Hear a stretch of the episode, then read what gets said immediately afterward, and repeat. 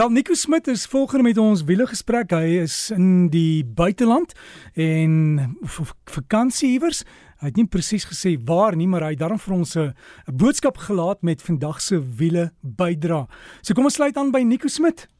Goeiemôre Derek. Ek het 'n vraag in die week gehad oor 4x2 met diflok en 4x4 en 4x4 met laastrek.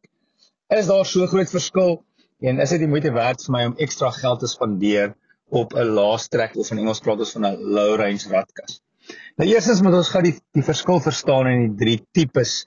Uh 4x2 met diflok verwys gewoonlik na 'n bakkie. Meeste van die bakkies is agterwiel aangedrewe, so wanneer jy dan ehm um, ry en die voertuig val vas of daar's 'n sekere hoeveelheid glip in die een wiel, gaan al die wringkrag ontsnap deur die een wiel. So wat 'n ewenaar slot of diflok doen is hy sluit die twee agterwiele en hy forceer hulle om teen dieselfde rotasie te beweeg. So dit kan jou help in situasies waar jy vasval. Wanneer ons verwys na 4x4, ehm um, is daar eintlik ook twee tipes. Die een is 'n permanente 4x4 wat jy op die teerpad kan ry. Met ander woorde, daar's 'n sekere hoeveelheid wringkrag na die voorwiele en 'n sekere hoeveelheid wringkrag na die agterwiele. So 'n voer so tipe voertuig het gewoonlik 'n derde ewenaar wat toelaat dat jy uh, op 'n teerpad kan ry in jou 4x4 funksie.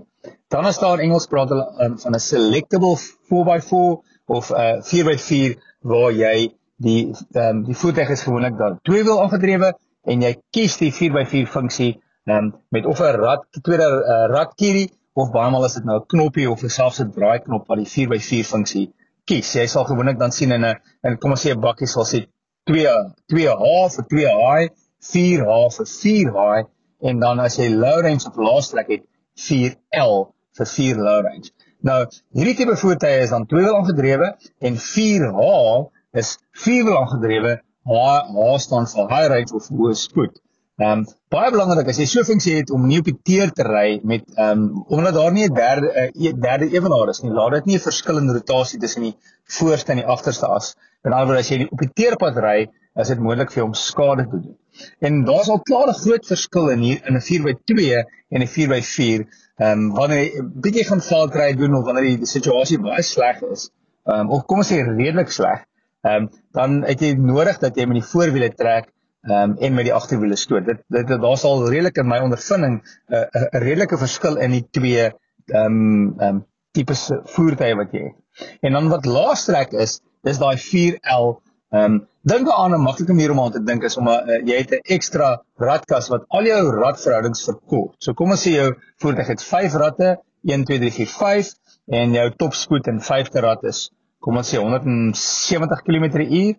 Wanneer jy dan jou laaste rad kies, dan word jou rad ehm um, uh, verhoudings baie kort. So jou eerste rad en jou tweede rad in laaste trek is korter as 'n gewone eerste rad. En jou maksimum spoed is so om en by 35 km/h.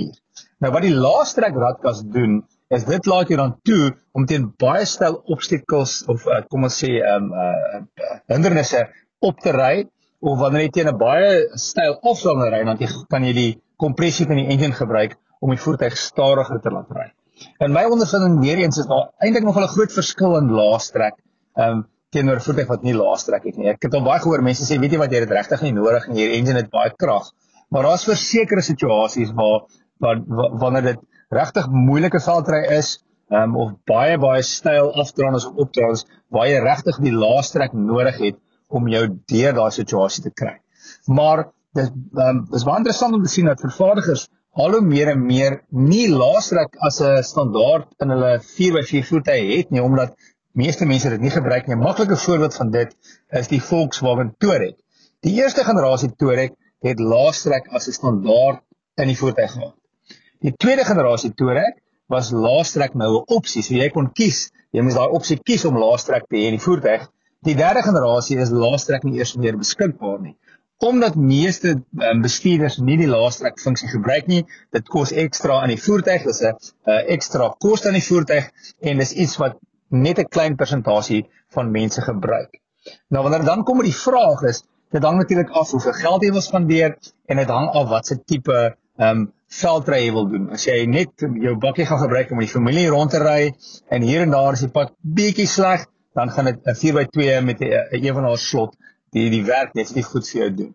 As die pad bietjie slegter raak en daar's miskien hier en daar 'n hindernis wat jy oor wil ry of dis 'n baie modderige pad gaan jy dadelik al klaar die verskil kan sien in 'n tipe 'n voertuig wat 4x4 is met ander woorde wat trek met al vier wiele. En dan wanneer jy oorweeg om om regtig baie moeilike veldry te doen, die pad raak regtig baie sleg. Dit is 'n uh, ehm um, dit kan wees dat dit ehm um, baie slegte kondisies is. Dan weer eens is daar 'n uh, baie goeie argument te maak om te sê laaste trek is verseker jy moet te werk. Maar vir meeste persone die tipe bestuur wat hulle doen, is dit nie noodwendig die regte keuse nie. So dit hang af wat jou wat jou vereistes is of wat se tipe werk jy doen of wat se tipe veldry jy wil doen. Ehm um, dit beïnvloed jou keuse, maar verseker as jy die drie voer, tipe voertuie ry, kan jy op die einde van die dag sien daai laaste trek kos jou meer geld, maar die tipe veldry wat jy doen en wat jy kan doen, maak dit verseker die beste keuse. Ons so gesels ons karre wiele saam met Nico Smit. As jy enige vrae het vir Nico, hy sal weer op sy pos wees volgende week. Dan kan jy vir hom stuur hierdie week e-pos wiele by rsg.co.za. Wiele by rsg.co.za.